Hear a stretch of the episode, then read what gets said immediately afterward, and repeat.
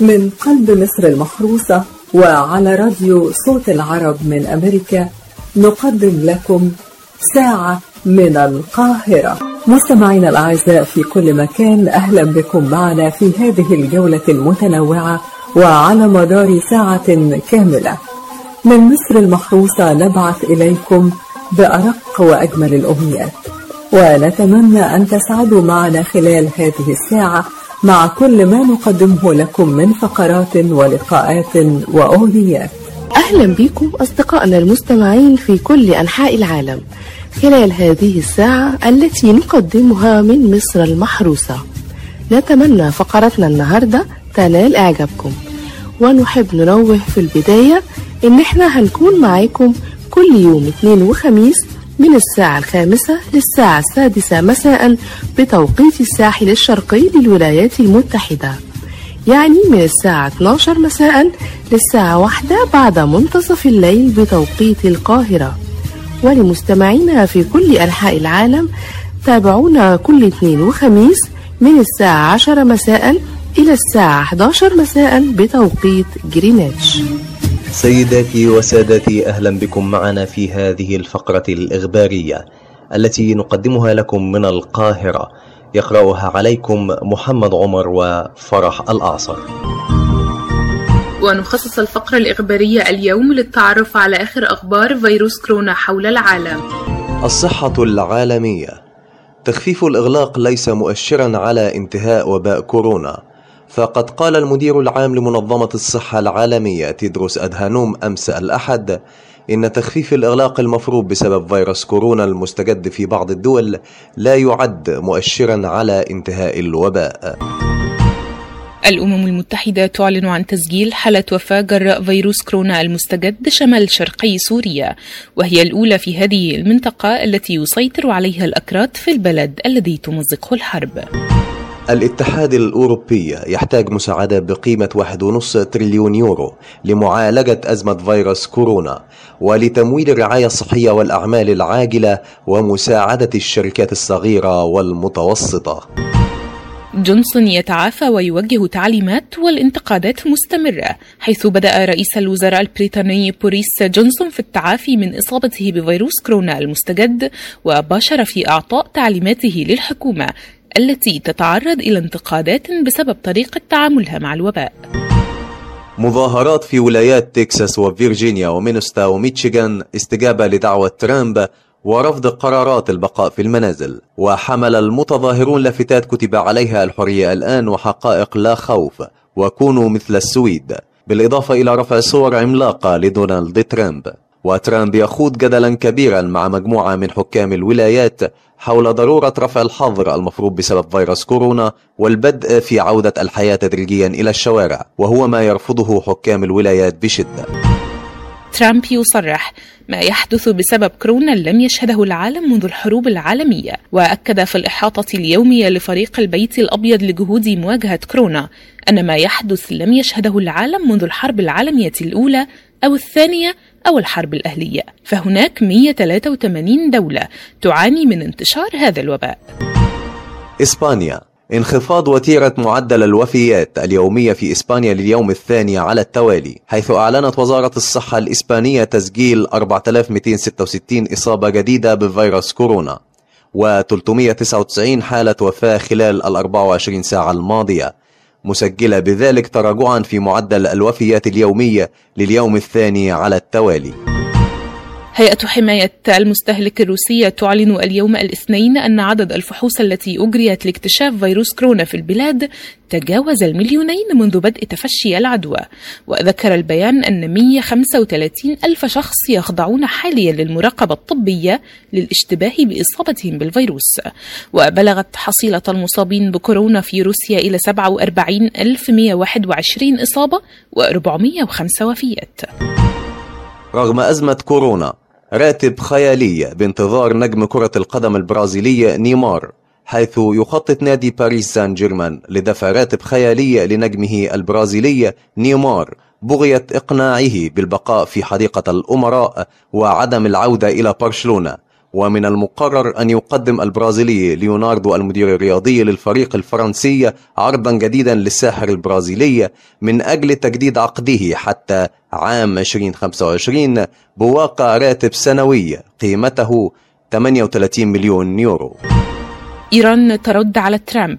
لسنا بحاجة إلى أجهزة تنفس صناعي وسنصدرها بعد أشهر. وأكد وزير الخارجية الإيراني محمد جواد ظريف أن إيران ليست بحاجة إلى أجهزة تنفس اصطناعية والتي أعرب الرئيس الأمريكي دونالد ترامب مؤخرا عن استعداده لتوريدها إلى إيران.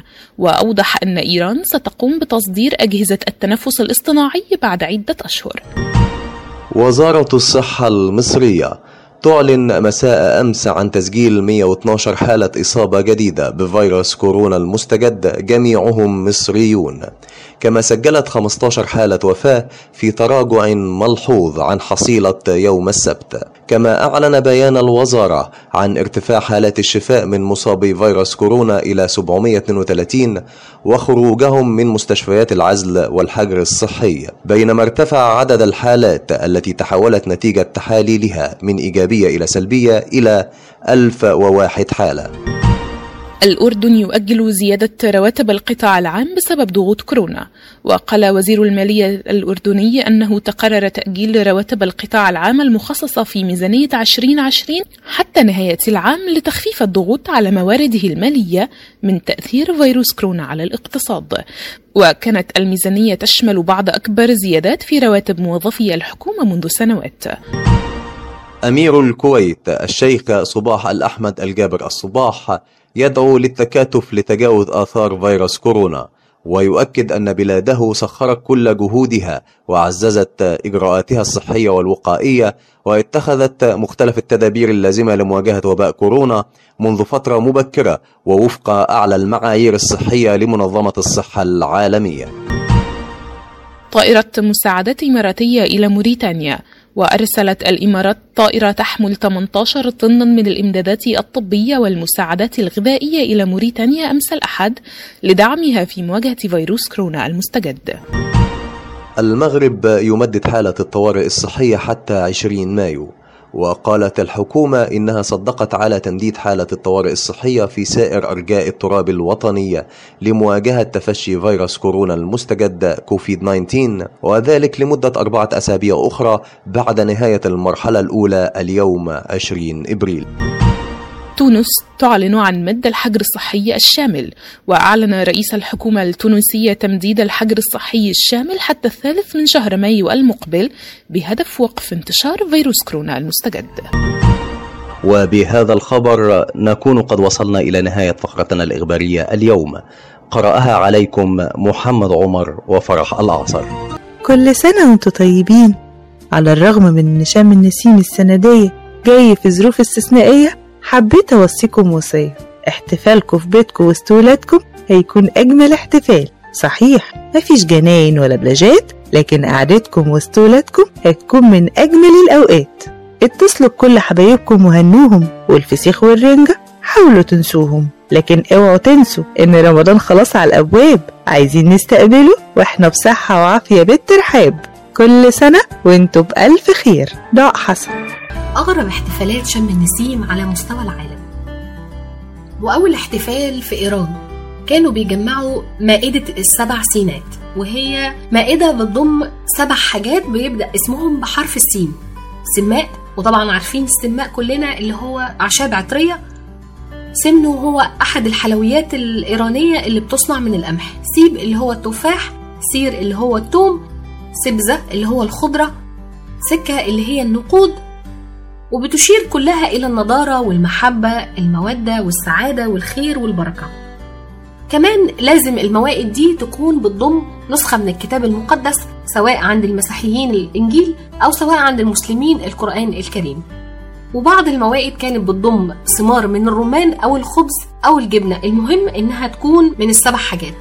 أما في شمال أفغانستان وفي كابول وبعض مدن باكستان كانت بتضم الموائد سبع أنواع من الفاكهة الزبيب الأخضر والأحمر الفستق اللوز الجوز البندق والمشمش.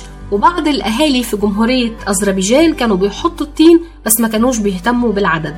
أما في مناطق آسيا الوسطى كانت الأسر بتشتري أسماك زينة ملونة بعدد الأفراد طها في بولات إزاز وتجمعها في بلكونات المنازل أو قريبة من النوافذ وتحط جنبها باقات من الزهور. وتهتم بالأسماك دي قبل ما يمر اليوم ال 13 من أول كل سنة. ولو مات حاجة من السمك قبل اليوم ده بيبقى فال وحش. أما لو فضل السمك حي قبل اليوم ال 13 فبيبقى فيه تفاؤل في الأسرة دي لأن معناه إن محدش هيموت منهم في خلال السنة دي. وأغرب حاجة بقى في القرى والأرياف كل ولد عاجبه بنت بيتسحب بالليل ويحط هدية قدام باب ال... قدام باب ال... قدام باب البنت اللي بيحبها. ولو صحى الصبح لقى الهدية اتاخدت يبقى معنى كده إن البنت وافقت عليه. أما لو الهدية فضلت مكانها معنى كده إن هو اترفض. وبعض الأماكن في إيران بيسموه اليوم النحس وده لأنه هو بيصادف اليوم ال 13 من العام الإيراني. وفي اعتقادهم إن اليوم ده بيجلب لهم النحس علشان كده بيخرجوا من بيوتهم علشان في اعتقادهم إن هم لو فضلوا في البيت هيتعرضوا لكارثة أو مصيبة. وطبعا في اليوم ده الشرطة بتكون في حالة استنفار شديد علشان البيوت بتبقى خالية من ساكنيها. ولو حد فكر ينقل من بيت لبيت لازم ياخد تصريح من الشرطة علشان ما يتقبضش عليه بتهمة إنه حرامي وعلشان يطردوا النحس بيرموا باقات من الزهور وسنابل من القمح على الحشائش والساحات الخضراء وبيخلوا كل الأواني من أسماك الزينة وبيرموها في نافورات المياه علشان الأسماك ترجع لحياتها الطبيعية. وعندهم لازم الوصايا الخمسة لازم ينفذوها في اليوم ده. أولها إن ممنوع غسل الملابس في الخمس أيام الأولى من عيد النوروز لأن الهواء والمية في الأيام دي بيساعدوا على تمزيقها أو تقطيعها ولازم يلبسوا ملابس جديدة وممنوع حد يلبس ملابس قديمة. ممنوع حد يبين عصبية أو أي مشاعر غضب أو أي توتر عصبي في اليوم ده.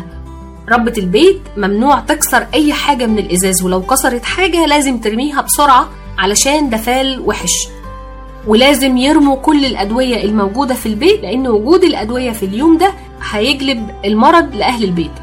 أما أغرب احتفال في عيد الربيع هو في الصين وعيد الربيع في الصين يعتبر زي عيد الفطر والأضحى عندنا كمسلمين وعيد الميلاد عند المسيحيين لأن عندهم العيد ده يبشر بقدوم الربيع لأنه عيد راس السنة عند الصين وده راجع ل 3000 سنة قبل الميلاد ومعناه إن الطبيعة بتدي للبشرية كل احتياجاتها من بذور ومن ثمار أغرب حاجة في الصين عندهم حاجة اسمها أسطورة العفريت وده عندهم إن في عفريت يسمى عام وبيعتقدوا إن هو بيجلب سوء الحظ للعالم.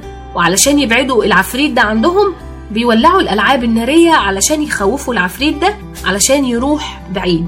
وانتقلت العادة دي من جيل لجيل. وطقوسهم في اليوم ده بيزوروا بعض ويحتفلوا مع أهليهم ويتجمعوا ويقيموا الولائم الكبيرة. ومن أهم أجزاء احتفالات الربيع عند الصينيين هو إقامة الوليمة العائلية الفخمة ليلة رأس السنة. وكمان عندهم الطقوس وهي تبادل التحيات في العام الجديد والزيارات وإقامة الولائم والاحتفالات في الشوارع. وكل بلد ليه احتفاله وطقوسه المختلفة. كل سنة وأنتم طيبين. شيرين سليمان.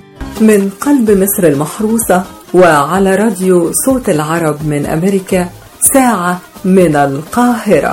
النهاردة مصر احتفلت بيوم مهم من الأيام التراثية عندها وهو يوم شم النسيم وهو يوم بيمارس فيه المصريين عادات وتقاليد شعبية والطقوس الشعبية دي توارثها المصريين عبر آلاف السنين. عن يوم شم النسيم وتاريخه وأصل هذا اليوم والطقوس المصاحبة ليه بيساعدنا أن نقدم هذا اللقاء مع الدكتورة سلمى محمد عباس المدرس المساعد لقسم الأنثروبولوجي بكلية الآداب جامعة الإسكندرية. أهلا بحضرتك دكتورة سلمى. أهلا بحضرتك يا فندم. أهلا بحضرتك أستاذة نجوى. دكتورة سلمى في البداية عايزين نعرف إيه الأصل التاريخي لهذا اليوم يوم شم النسيم؟ في البداية والله يا فندم أنا أحب أقول لحضرتك كل سنة وحضرتك طيبة وكل سنة وكل الشعب المصري بخير وطيب. آه، شم النسيم آه، عيد مصري أصيل فرعوني. آه، مرتبط طبعا عندنا بموسم الحصاد في شهر إبريل. آه، هو شم النسيم آه، يوم آه، بيحب يحتفل بيه كل الأهالي بيخرجوا للمتنزهات وبيحبوا طبعا يروحوا الحدائق والمساحات الخضراء والواسعة. وطبعا دوت من أهم الأعياد اللي دخلت في التراث الشعبي. نظرا لقوة ذاكرة المصريين إن هم يحبوا يحتفلوا بهذا اليوم الجميل آه، طبعا علشان الأكلات التقليدية اللي ما زلنا بنتوارثها وبناكلها في هذا اليوم وهي طبعا هي غنية عن التعريف هو طبعا الفسيخ اللي هو السمك البوري المملح المجفف وطبعا معاه بيكون البصل الأخضر وده طبعا بيبقى راجع لإعتقاد شعبي أصيل عند المصريين وعند الفراعنة. إن البصل الأخضر كان بي- بيتم تجفيفه وإن هو بيتحط على البيبان آه، طبعا لأن نظرا لأن رائحة البصل قوية. وده كان عنده اعتقاد شعبي عند المصريين زمان إن هما بيستمدوا من القوة وإن البصل الأخضر دوت يقدر إن هو يطرد ال- ال- العيون الشريرة والحسد بعيدا. وبهذا اليوم بيكون استمداد للروح من جديد بهذه القوة. كمان عايزة أقول لحضرتك آه، شم النسيم آه، مرتبط عند المصريين بتلوين البيض. طيب ليه الأطفال بيحبوا يلونوا البيض ع- في هذا اليوم؟ طبعا لأن البيضة هي رمز للحياة آه، وهي اللي بينتج منها آه، إخراج الكائن الحي مرة أخرى. فطبعا المصريين بيحبوا يلونوا البيض في هذا اليوم بالألوان المزخرفة والرموز المز- المزركشة الجميلة على اعتقاد إن الحياة ترجع مرة أخرى تكون جميلة وبهذا الجمال اللي بيخرج الإنسان وبيكون نابع من جواه. في نهاية اللقاء بنشكر الدكتورة سلمى محمد عباس. تسلمي يا فندم. شكرا لذوق حضرتك وكل سنة وأنتم بخير كلكم. وكانت معكم من القاهرة نجوى رياض. من قلب مصر المحروسة وعلى راديو صوت العرب من أمريكا ساعة من القاهرة. في شهر إبريل اتولد وفي شهر إبريل أيضا رحل عنا. وما بين الميلاد والرحيل 77 سنة أمضى خلالهم أكثر من نصف قرن من الإبداع. عدى النهار أحلف بسماها وبترابها أنا كل ما أقول التوبة عيون القلب وآه يسمران اللون. شاعر العامية المصري الكبير الخال عبد الرحمن الأبنودي. الأبنودي هو أحد أعلام شعر العامية في الوطن العربي. واللي تربع بكل جدارة على عرش العامية والأغنية الشعبية لسنوات طويلة. اتولد الأبنودي في 11 إبريل سنة 1938 في قرية أبنود بمحافظة قنا في الصعيد جنوب مصر ورحل عنا في 21 إبريل عام 2015 طبعا لا يمكن ننسى أهم أعماله وهو جمعه للسيرة الهلالية على مدى سنوات طويلة. وقام بجمعها من شعراء الصعيد ومن أشهر كتبه كتاب أيام الحلوة اللي نشره في حلقات منفصلة في ملحق أيامنا الحلوة بجريدة الأهرام واللي تم جمعهم في هذا الكتاب بأجزائه الثلاثة واللي بيحكي فيه الأبنودي قصصا وأحداثا مختلفة من حياته في صعيد مصر. الأبنودي له حوالي 20 ديوان من أشهرهم الأرض والعيال الزحمة جوابات حراج الجت. وجوه على الشط الأحزان العادية والموت على الأسفلت. وطبعا له الكتير من الأغاني اللي غناها كبار المطربين زي عبد الحليم حافظ محمد رشدي فايزة أحمد نجاة الصغيرة شادية صباح وردة الجزائرية محمد أنديل ومحمد منير وغيرهم. والنهاردة بمناسبة ذكرى رحيله اللي بتوافق غدا الثلاثاء 21 إبريل. بنقدم له قصيدة من أحلى القصائد اللي كتبها وعبر فيها ببساطة عن حياته ما بين القرية والمدينة وذكرياته مع عمته أمنة أو يمنة كما قال في القصيدة. تعالوا نسمع مع بعض قصيدة العمة يمنة للخال عبد الرحمن الأبنودي. من قلب مصر المحروسة وعلى راديو صوت العرب من أمريكا ساعة من القاهرة. سيد مكاوي هو سيد محمد سيد مكاوي فنان من الزمن الجميل ملحن ومطرب وشهرته شيخ الملحنين. من مواليد 8 مايو سنة 1928 في حي النصرية حارة قبودان بالسيدة زينب. سيد مكاوي كان كفيف. وده اللي خلاه يتجه لحفظ القرآن الكريم. من صغره كان بيؤذن للصلاة في مسجد الحنفي بحي النصرية. وفي سن الشباب ابتدى يتجه للإنشاد الديني. كان بيتابع كبار المقرئين والمنشدين زي الشيخ إسماعيل سكر والشيخ مصطفى عبد الرحيم. كان عنده ذاكرة موسيقية قوية جدا. بمجرد ما كان يسمع الدور أو الموشح مرة واحدة كان بيحفظه. والدته كانت دايما تشتري له الاسطوانات القديمة من بياعين الربابيكيا عشان يسمعها لأنه كان بيحب يسمع الموسيقى الشرقية. وكان لحفظ سيد مكاوي الأغاني التراث الشرقي دور كبير جدا في تكوين شخصيته الفنية واستمد منها مادة خصبة أفادته في مستقبله الموسيقي. كمان عشان حفظه لتراث الإنشاد الديني كان لهم عامل مهم لتفوقه في صياغة الألحان الدينية والقوالب الموسيقية. قدم سيد مكاوي في الإذاعة المصرية في بداية الخمسينات وتم اعتماده كمطرب وكان بيغني أغاني تراث الموسيقى الشرقية من أدوار وموشحات كمان قدم أغاني شعبية خفيفة زي آخر حلاوة مفيش كده وما يلا يا مسعدة نروح السيدة. بداية شهرة سيد مكاوي من خلال لحن لشريفة فاضل. مبروك عليك يا معجباني يا غالي. سيد مكاوي كان بينتمي لمدرستين مدرسة سيد درويش ومدرسة زكريا أحمد وكان دايما بيعترف بفضلهم عليه. وبعد ما زاعت شهرة سيد مكاوي بدأ المطربين والمطربات يسعوا للحصول على ألحان منه. قام بالتلحين لليلى مراد حكايتنا إحنا الاتنين وشادية هوا يا هوا وشهرزاد غيرك أنت ماليش والصباح أنا هنا يا ابن الحلال والوردة أوقاتي بتحلو وقلبي سعيد وشعوري ناحيتك. كمان لحن لكوكب الشرق أم كلثوم رائعة يا مسهرني كان لسيد مكاوي الفضل في تطوير شكل المسلسلات الإذاعية. عمل تترات المسلسلات بشكل مختلف وكوميدي زي مسلسل شنطة حمزة ورضا بوند وحكايات حارتنا وغيرها. كمان قدم في شهر رمضان مع الشاعر فؤاد حداد شخصية المسحراتي بالطبلة وحقق نجاح كبير جدا اتميز ببساطة أسلوبه اللي اعتبروه بصمة فنية متفردة في تراث الموسيقى الشرقية. سيد مكاوي قدم ألحانه للمسرح الغنائي واشترك في أوبريت القاهرة في ألف عام. اشترك بالألحان مع كبار الملحنين زي محمود الشريف ومحمد الموجي وكمال الطويل وأحمد صدقي وعبد العظيم عبد الحق. وقدم في الأوبريت ست ألحان لحن المماليك وبناء القاهرة والبياعين وعيد الفطر والحاكم بأمر الله ويا مصر افتحي قلبك. وطبعا عمرنا ما هننسى أوبريت الليلة الكبيرة اللي كان ليه نجاح غير مسبوق وفي 21 إبريل سنة 1997 اتوفى شيخ الملحنين سيد مكاوي ورحل عن دنيانا لكن ألحانه لسه باقية معانا. كانت معاكم ضاع حسن. من قلب مصر المحروسة وعلى راديو صوت العرب من أمريكا ساعة من القاهرة. مستمعينا في كل مكان أهلا وسهلا بكم. يصادف اليوم 21 أبريل ذكرى رحيل الشاعر الكبير صلاح جاهين. بعد حياة مليئة بالكثير من الإسهامات في الحياة الفنية والثقافة العربية.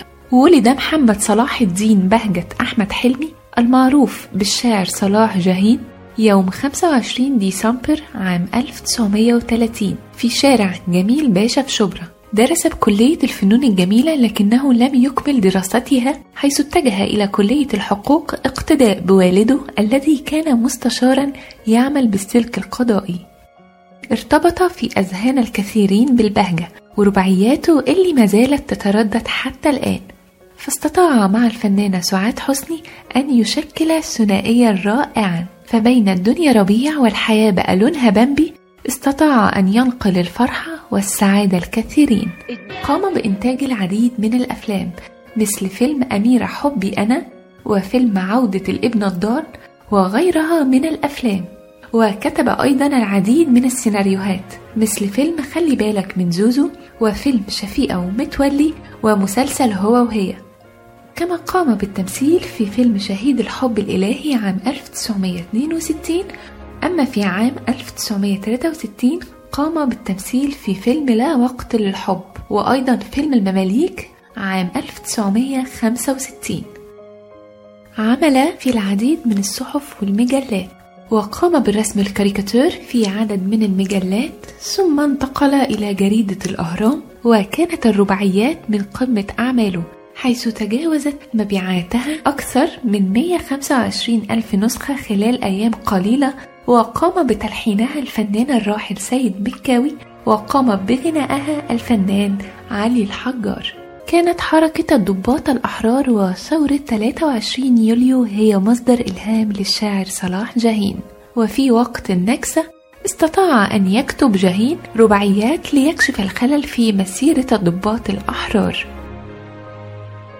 ألف الشاعر ما يزيد عن 161 قصيدة ومنها قصيدة على اسم مصر وأيضا قصيدة تراب دخان اللي ألفها بمناسبة نكسة يونيو 67 كما ألف أيضا أوبريت الليلة الكبيرة وهو أشهر أوبريت للعرائس في مصر. أطلق بعض النقاد على جاهين لقب شاعر الثورة لأن كل ما كتبه كان يتحول إلى أغاني ثورية شعبية بصوت الفنان عبد الحليم حافظ واللي منها أناشيد إحنا الشعب وبالأحضان وغيرها. واستطاع صلاح جاهين أن يترجم مشاعر وأحلام وأفراح المصريين إلى كلمات مليئة بالدفء والزهو. وفي أشعاره أثناء الثورة استطاع أن يغوص في أعماق الإنسان المصري المتطلع إلى عالم أفضل وكانت مشاعره صادقة عفوية. أنا شاب لكن عمري ولا ألف عام. وحيد ولكن بين ضلوعي زحام. خايف ولكن خوفي مني أنا. أخرس ولكن قلبي مليان كلام. عجبي. عيني رأت مولود على كتف أمه. يصرخ تهنن فيه. يصرخ تضمه. يصرخ تقول يا ابني ما تنطق كلام. ده اللي ما يتكلمش يا كتر همه. عجبي. لا تجبر الإنسان ولا تخيره. يكفيه ما فيه من عقل بيحيره. اللي النهاردة يطلبه ويرضاه هو اللي بكرة هيشتهي يغيره. عجبي. أصيب جاهين بحالة اكتئاب بعد رحيل الرئيس جمال عبد الناصر وتوقف عن كتابة الأغاني والأناشيد واتجه للشعر التأملي العميق أشهره أغنية يا واد يا تقيل للسندريلا سعاد حسني. عانى الشاعر صلاح جاهين من اكتئاب نفسي حاد حتى توفي في يوم 21 أبريل عام 1986 عن عمر 55 عام. رحم الله الضاحك الباكي فيلسوف البسطاء شاعر الشعب صلاح جاهين. يا حزين يا أم أم تحت بحر الضياع. حزين أنا زيك وإيه مستطاع؟ الحزن ما بقالهوش جلال يا جدع. الحزن زي البرد زي الصداع. عجبي. إنسان أيا إنسان ما أجهلك. ما أتفهك في الكون وما أضألك. شمس وقمر وسدوم وملايين نجوم وفاكرها يا موهوم مخلوقة لك. عجب. يا طير يا عالي في السما طز فيك. ما تفتكرش ربنا مصطفيك. برضك بتاكل دود وللطين تعود تمص فيه يا حلو ويمص فيك. عجبي. بشكركم جدا والحلقة الجاية أكون معاكم إن شاء الله في فقرة جديدة من فقرات ساعة من القاهرة. أرق تحياتي أرسلها لكم من القاهرة رنا عصام. من قلب مصر المحروسة وعلى راديو صوت العرب من أمريكا ساعة من القاهرة. فريد الأطرش أحد أشهر المطربين في الوطن العربي. غدا 21 أبريل بنحتفل بذكرى ميلاده. فريد الأطرش أو ملك العود كما يطلقون عليه ترك لنا مكتبة ثرية من الألحان والأغنيات الرائعة. وحول الفنان فريد الأطرش وسيرة حياته الفنية منذ أن جاء من سوريا إلى القاهرة وصعد على سلم المجد والشهرة يسعدنا أن نقدم هذا اللقاء مع المؤرخ الفني الأستاذ عصام محمود. إحنا لو اتكلمنا عن فريد الأطرش هنقول حاجات كتير جدا جدا جدا لأن فريد الأطرش. آه قدم لنا الفن الحقيقي فريد الأطرش. هو آه يعني من من من أمهر عازفي العود ويمكن هي دي كانت البداية العزف بالعود قبل ما يدخل في, في الغناء لأن هو في بدايته كان اشتغل عازف على العود ورا المطرب إبراهيم حمودة.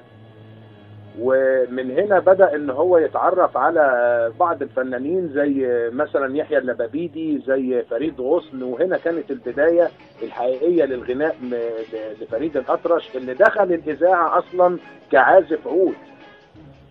ولكن آه، هو كان جوه منه في مطرب آه، ملح عليه عايز يغني فكلم مدحت بيه عاصم آه، اللي هو كان رئيس الإذاعة في الوقت ده وما مانعش في إن فريد الأطرش يتقدم للاختبار ونجح فعلا في, ال- في الاختبار وكانت البدايه بتاعته بأغنية يا ريتني طير وأطير لأطير حواليه.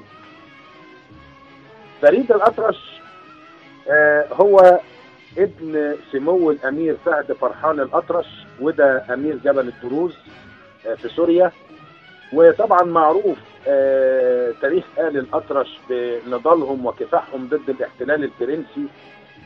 ومن هنا الأم علياء المنذر خافت على ولادها فأخدتهم آه، فؤاد وفريد وأمال اللي هي بعد كده بقت أسمهان ونزلت بيهم على بيروت. وهنا فريد الأطرش بيتلقى قسط بسيط من التعليم في مدارس سان جوزيف ولكن كان لزاما على الأم إن هي تسيب بيروت وترحل خوفا برضو من ملاحقة السلطات الفرنسية لهم ومن هنا بقى سنة 1923 جم على مصر مصر اللي دايما بتفتح أبوابها لكل الأشقاء العرب ولكن صادفهم هنا مشكلة في منطقة الانطره تحديدا. لا يعني ما سمحلهمش بالدخول ل- ل- لمصر ولكن بمساعدة من سعد باشا زغلول آه، لأنه كان على علاقة وطيده بمعظم أمراء آل الأطرش آه، قدروا إن هم آه، يعني يتوسط لهم وقدروا إن هم يدخلوا لمصر وعاشوا في القاهرة. وكانت ال- البداية إن فريد الأطرش وأخوه فؤاد ألحقتهم والد- والدتهم في مدارس الفورير وكان لازم تغير الاسم. فغيرت الاسم بقى اللقب كوسه فريد كوسه وفؤاد كوسه لكن لما جه آه، ضيف آه، فرنسي لمدارس الفورير اكتشفهم وقعد بقى يشعر بآل الأطرش. فمن هنا كان آه، مدارس الفورير اللي هي أصلا فرنسية.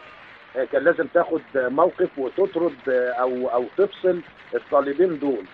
آه، بعد كده التحق فريد الأطرش بمدرسة البطريرك الكاثوليك وكمل فيها تعليمه ورجع تاني لاسم الأطرش. آه، زي ما قلنا البداية كانت عن طريق إن والدتهم كانت بتملك صوت جميل جدا واشتغلت آه، علشان خاطر يعني آه، توفر احتياجات الأسرة آه، اشتغلت كمغنية وكان دايما بيرافقها في العمل فريد الأطرش وفؤاد الأطرش ومن هنا كانت البداية زي ما قلنا بقى إن هو آه، بدأ كعازف عود ثم اتجه إلى الغناء وفتحت بقى معاه خصوصا بعد اعتماده في الإذاعة بأغنية يا ريت نطير لأطير حواليه. إحنا دايما أول ما بيهل علينا الربيع بنفتكر فريد الأطرش لما بي- بيغني لنا أغنية الربيع الأغنية الخالدة دهية الجميلة هي جات له بمحض الصدفة. يعني آه، كان كاتب الأغنية مأمون الشناوي آه، عايز. يعني أم كلثوم هي اللي تغنيه فراح للست أم كلثوم وقدم لها الأغنية. آه، الست أم كلثوم طلبت منه إن هو يغير فيها كلمة. بدل ما يقول وأنغامه بتفكرنا يقول وأنغامه بتسحرنا. ولكن مأمون الشناوي رفض إن هو يعدل في الأغنية. آه، فأم كلثوم قالت أنا ما أقدرش أقول بتفكرنا في الموضع ده ممكن يعني لو لو تتعالج معالجة تانية ممكن. إنما ما أقولهاش في في الموضع ده.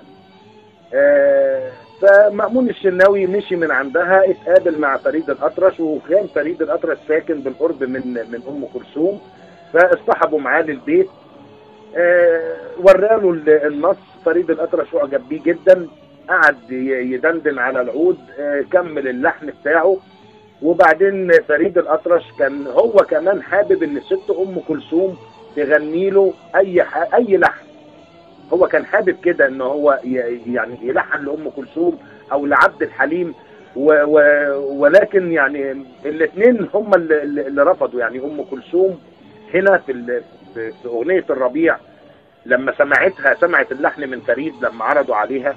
قالت له اللحن جميل والكلمات جميلة بس أنا آه، الأغنية كانت عندي وأنا قلت المأمون عايزه أغير فيها.